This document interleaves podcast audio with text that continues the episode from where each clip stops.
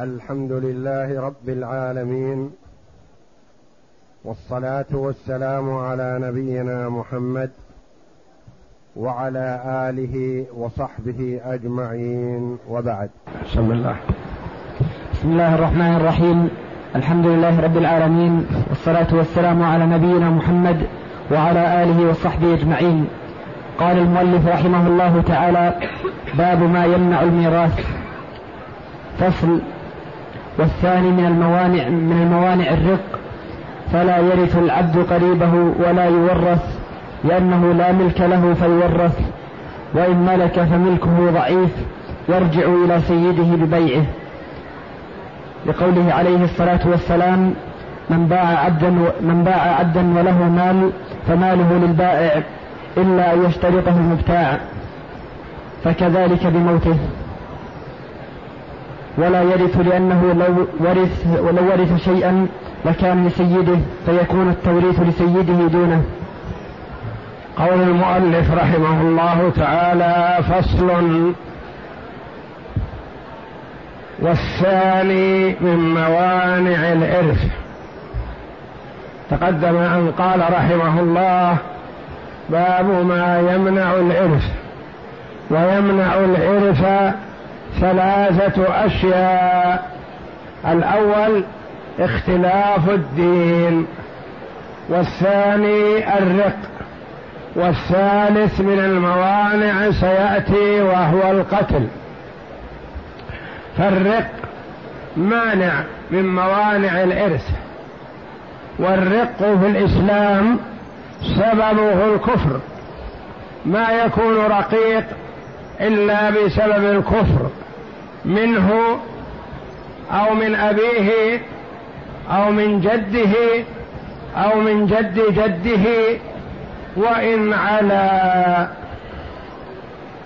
فالرق في الإسلام بالكفر. وذلك إذا خرج المسلمون للجهاد في سبيل الله فاستولوا على رجال ونساء وأولاد من أولاد الكفار فالإمام مخير بين أمور منها استرقاقهم يعني يبكون أرقا للمسلمين. هذا سبب الرق في الإسلام.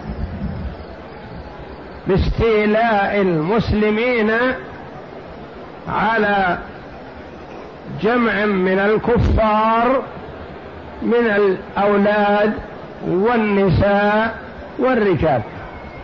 ثم الإمام نحو هؤلاء الارقه مخير بين أمور ينظر المصلحة له أن يعتقهم مجانا وله أن يبيعهم. وله أن يأخذ منهم الأموال ثمنا لهم وله أن يقسمهم على الغانمين من المسلمين.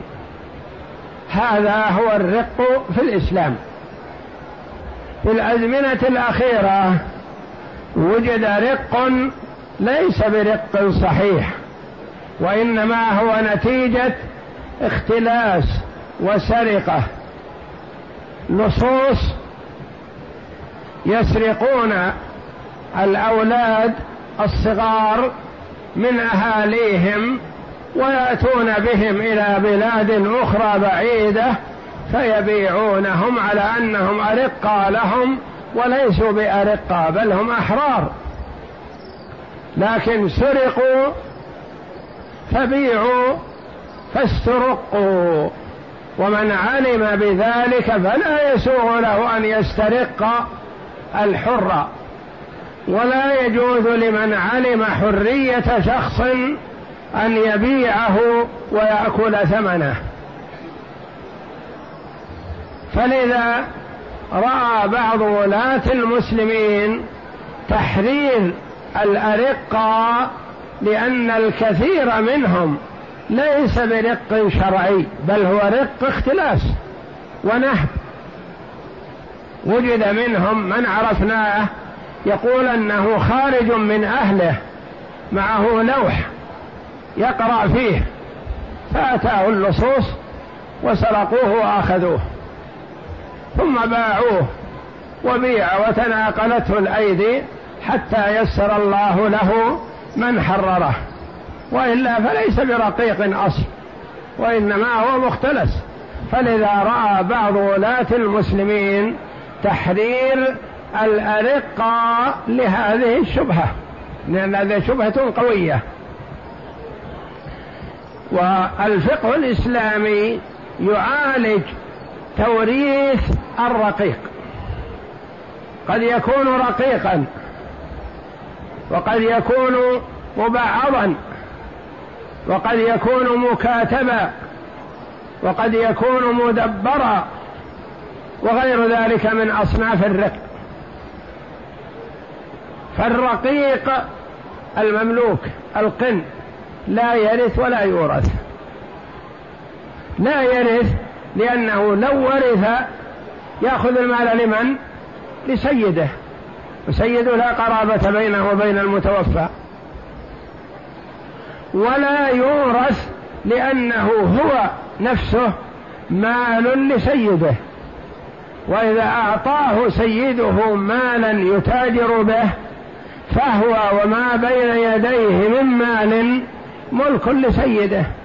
فإذا مات هذا الرقيق عاد المال الذي بيده لسيده. يقول رحمه الله والثاني من الموانع الرق فلا يرث العبد قريبه ولا يورث. إذا كان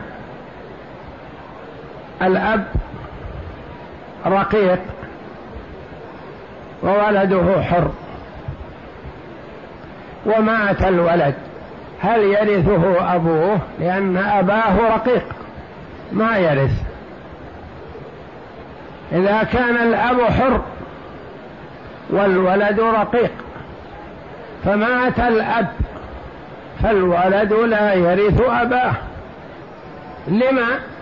لأنه إن ورث أباه أخذ المال لسيده. فهو لا يرث لا من أبيه ولا من أمه ولا من أخيه ولا من ابن عمه ما دام رقيقا. ويتصور أن يكون الأب رقيق والولد حر. وذلك أن يكونوا أرقا كلهم. الولد اشتراه محسن فأعتقه. فصار الولد حرا يتاجر لنفسه والوالد رقيق. أو العكس. الوالد حر والولد رقيق.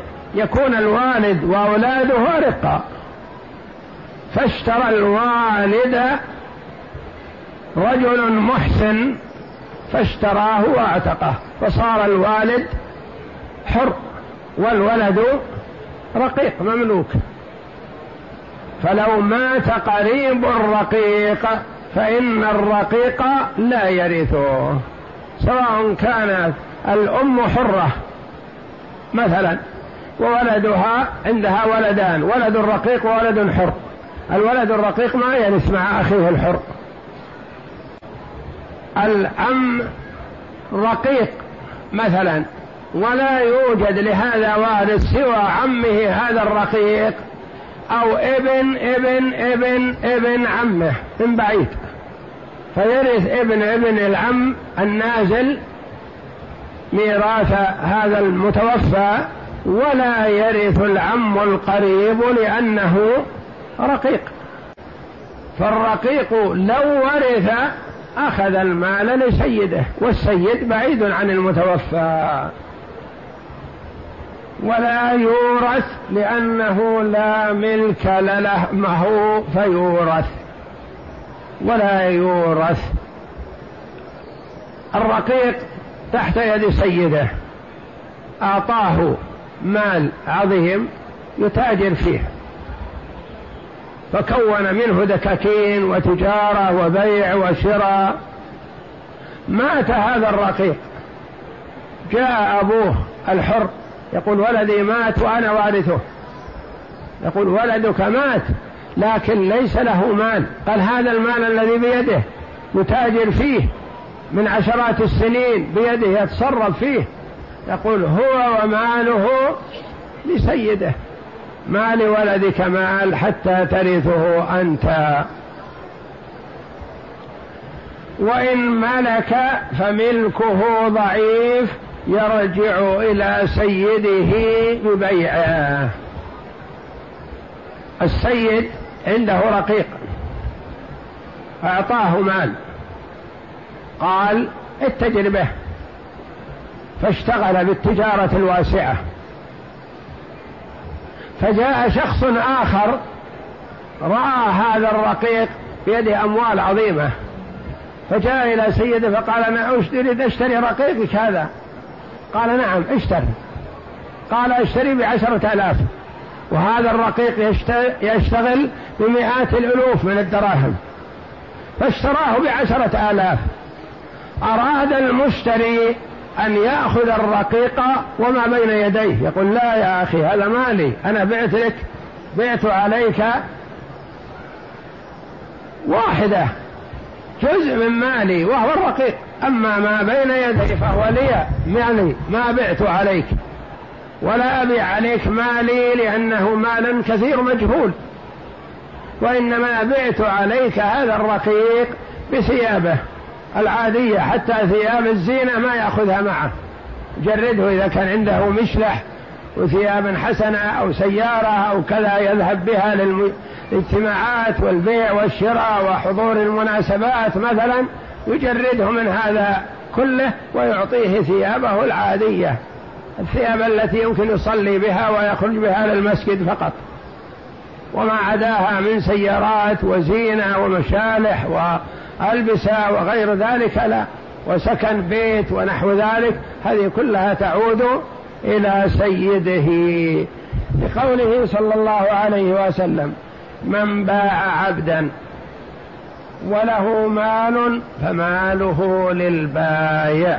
لأنه المالك فالبايع يملك العبد ويملك سيارة العبد ويملك زينة ملابس العبد ويملك سكن العبد ويملك كل ما بين يدي العبد فهو باع العبد فقط باع الرجل فقط والباقي لم يبعه.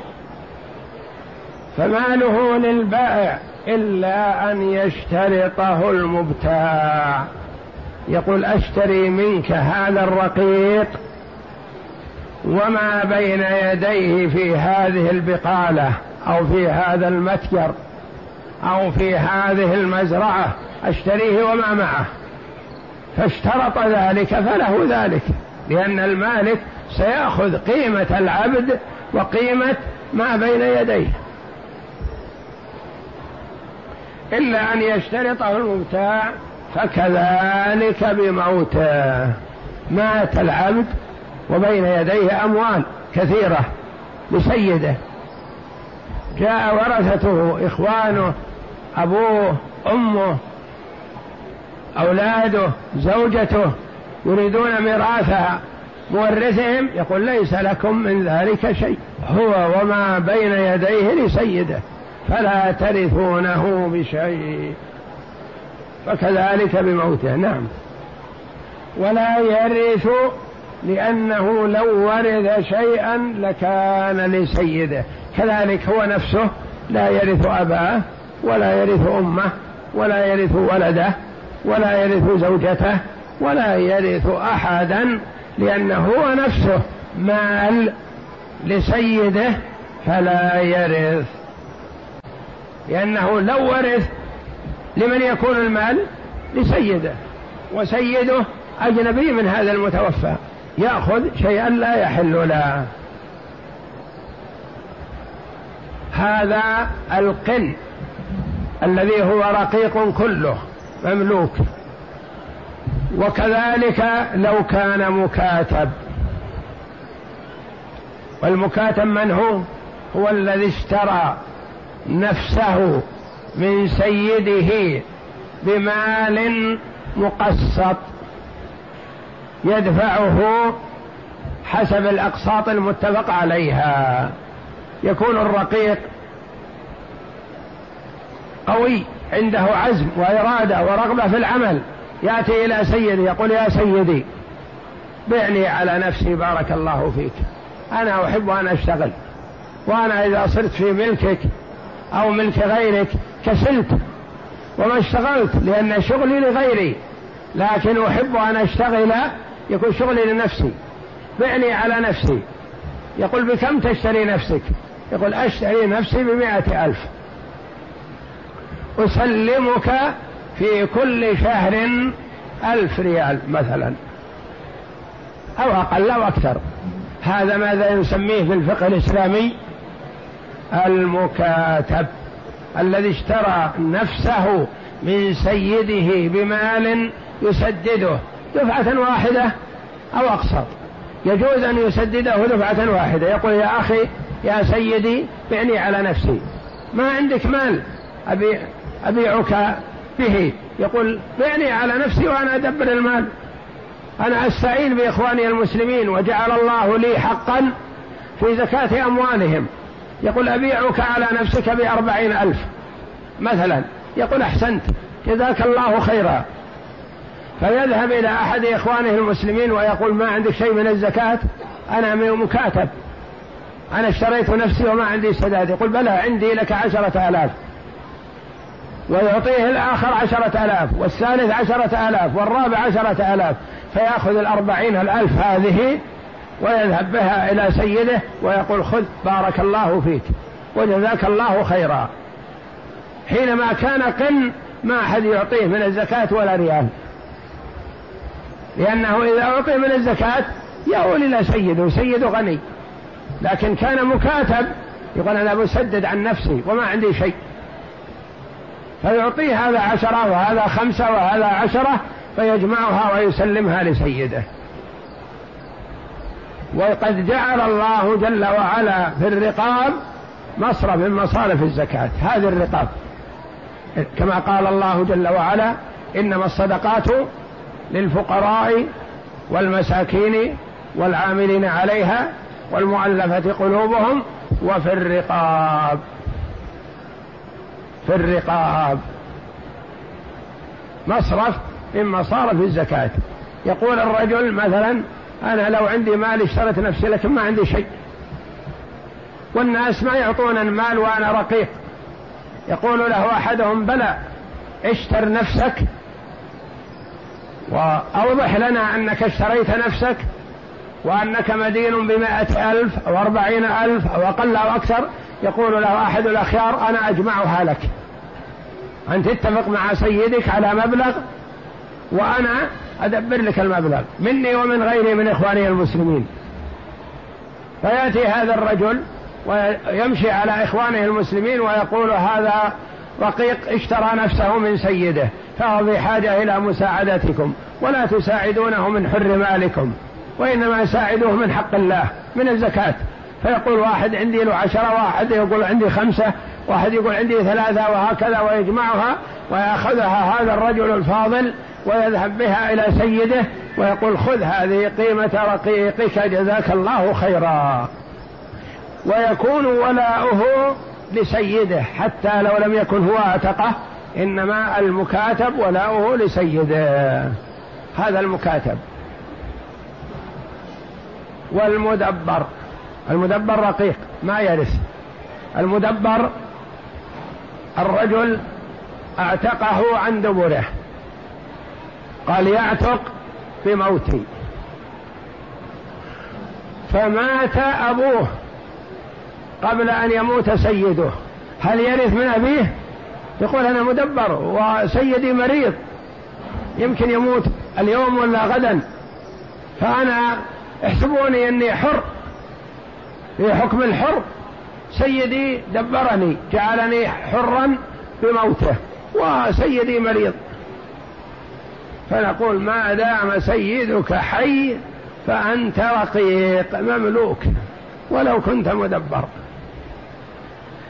أو موصى بحريته كذلك.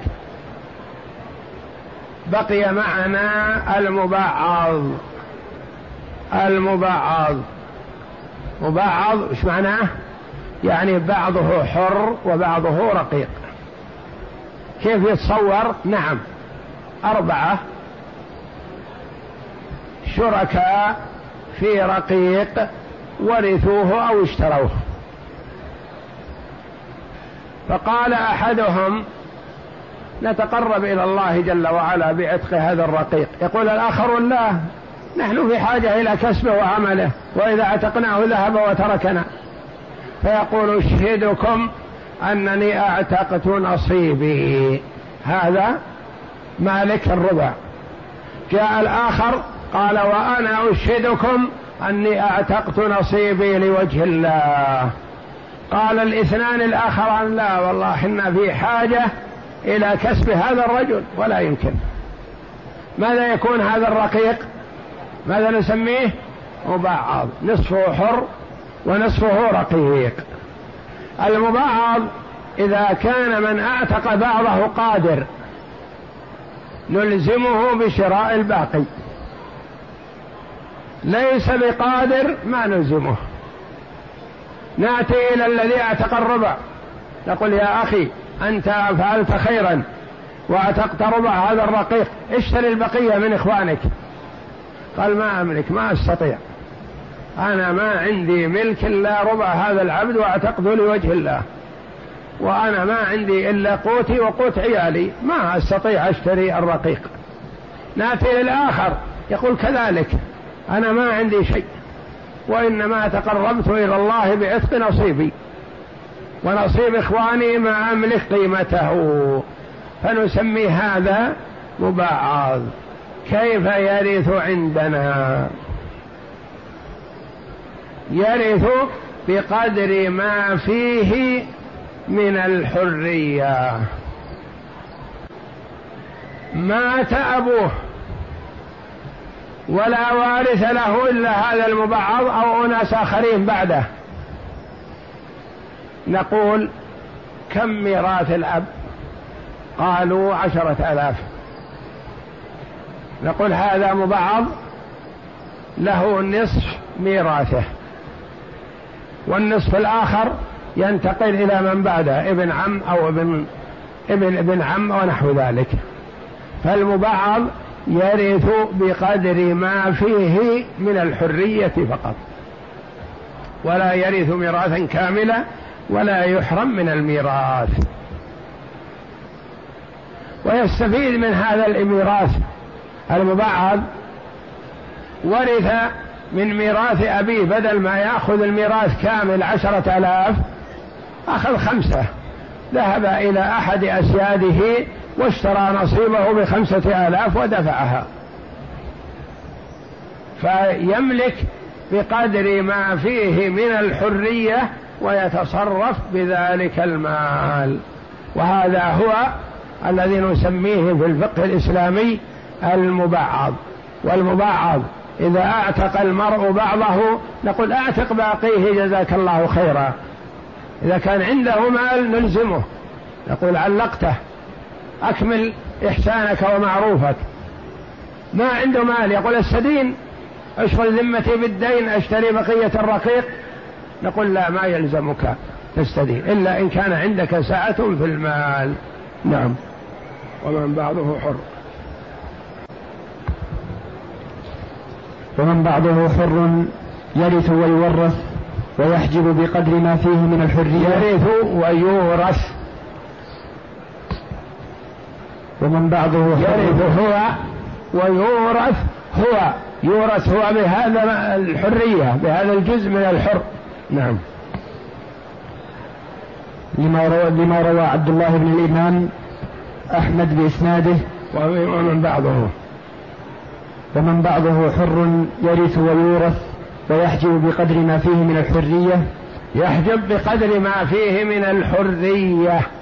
يحجب بقدر ما فيه من الحرية. مثلا هالك عن أم وولد ابن مبعض. عن أم وابن مبعض. نصفه حر ونصفه رقيق. هو يرث نصف ميراثه. وأمه أم أبيه يحجبها. لا حجبا كامل لأنه لو كان كله حر لحجب الأم من الثلث إلى السدس. ولو كان كله رقيق لأخذت الأم الثلث كامل. فيأخذ نصف هذا ونصف هذا يجمع لا.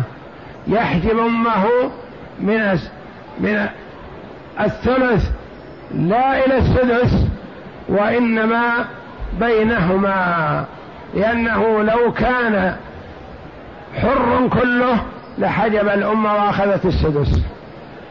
لو كان رقيقا كله لأخذت الأم الثلث. فيأخذ نصف الثلث ونصف السدس. نعم.